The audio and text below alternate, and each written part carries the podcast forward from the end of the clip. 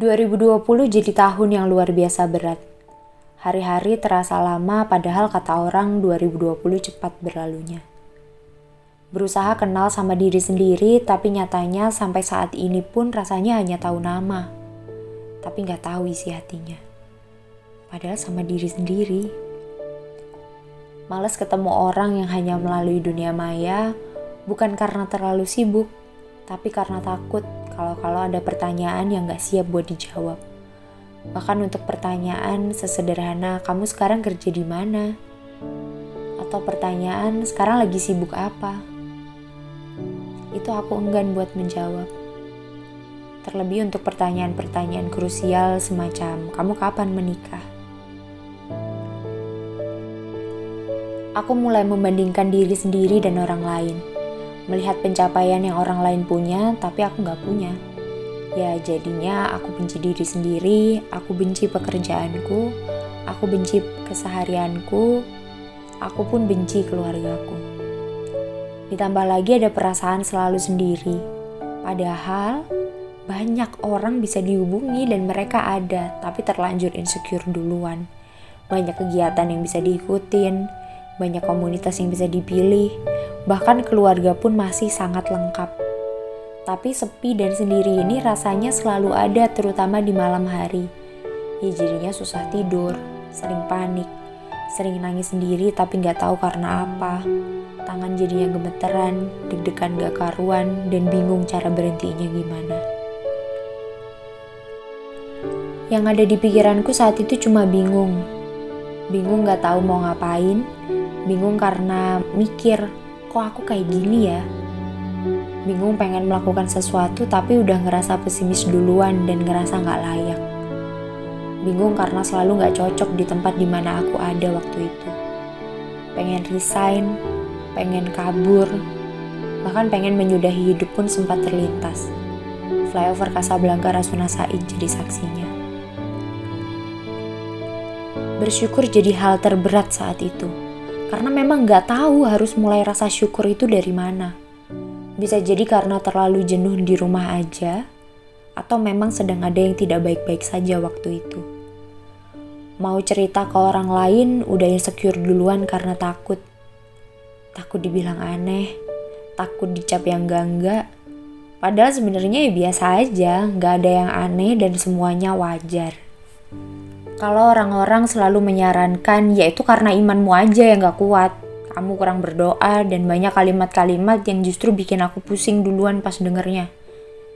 Bahkan saat itu buat berdoa pun gak tahu harus dimulai dari mana dan gak mampu rasanya buat menyusun kata-kata buat berdoa. Yang bisa dilakukan saat itu cuma ngobrol sama Tuhan, kayak temen. Bukan dengan format berdoa yang biasanya dilakukan kebanyakan orang. Ternyata yang memang dibutuhkan adalah berhenti dan diam. Tanya Tuhan, sebenarnya aku ini kenapa? Ngobrolin banyak hal ya meskipun pada akhirnya memang gak ada jawaban saat itu. Tapi ternyata nyaman yang selama ini hilang pelan-pelan datang lagi. Meskipun sudah di penghujung tahun 2020.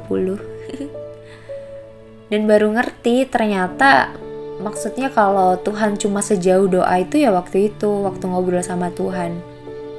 Dan ternyata berdoa itu nggak terbatas sama format dan nggak selalu harus dengan kalimat yang bagus asalkan hatinya sungguh-sungguh.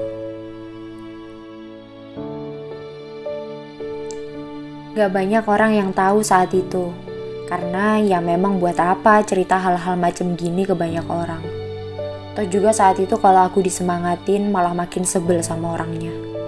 Jadi mending diem aja. Tapi aku jadi ngerti. Rasanya bingung. Rasanya kenapa orang itu sampai pengen kabur. Kenapa orang bisa sampai kepikiran buat gak melanjutkan hidup lagi. Kenapa orang bisa seputus asa itu sampai gak mood buat ngapa-ngapain padahal yang harus dikerjakan di depan mata itu banyak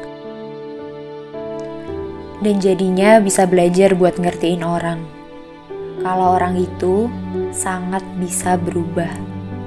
Kalau aku aja pengen orang lain menerima aku yang pelan-pelan pengen berubah, kenapa aku nggak bisa menerima orang lain yang juga sama-sama pengen berubah ke arah yang lebih baik? Jadi belajar buat gak melihat orang dengan cara yang sama setiap tahunnya.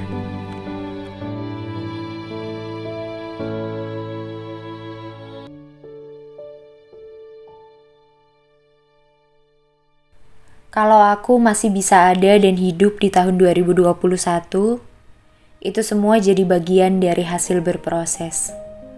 Kalau aku masih bisa senyum sampai hari ini dan jadi orang yang akhirnya bisa membuka diri lagi buat ketemu orang lain, itu semua juga jadi bagian dari berproses.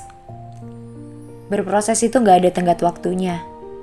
Yang penting tahu kalau saat ini itu sedang berproses, sedang belajar hal baru, dan berusaha buat menyelesaikannya dengan baik. Meskipun sampai hari ini belum semuanya kembali normal, tapi paling tidak aku mulai nyaman sama yang ada saat ini. Tentang pekerjaan, tentang teman-teman, dan tentang keluarga yang semuanya bahkan masih sama sejak tahun lalu.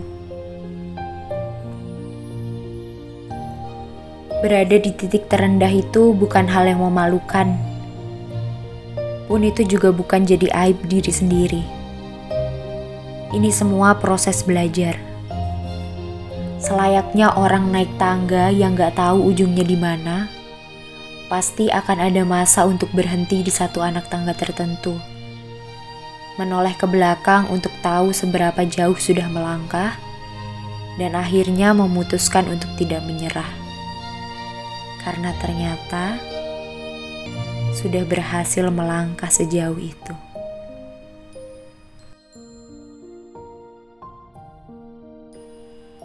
Terima kasih 2020 dan terima kasih untuk tetap ada sampai 2021.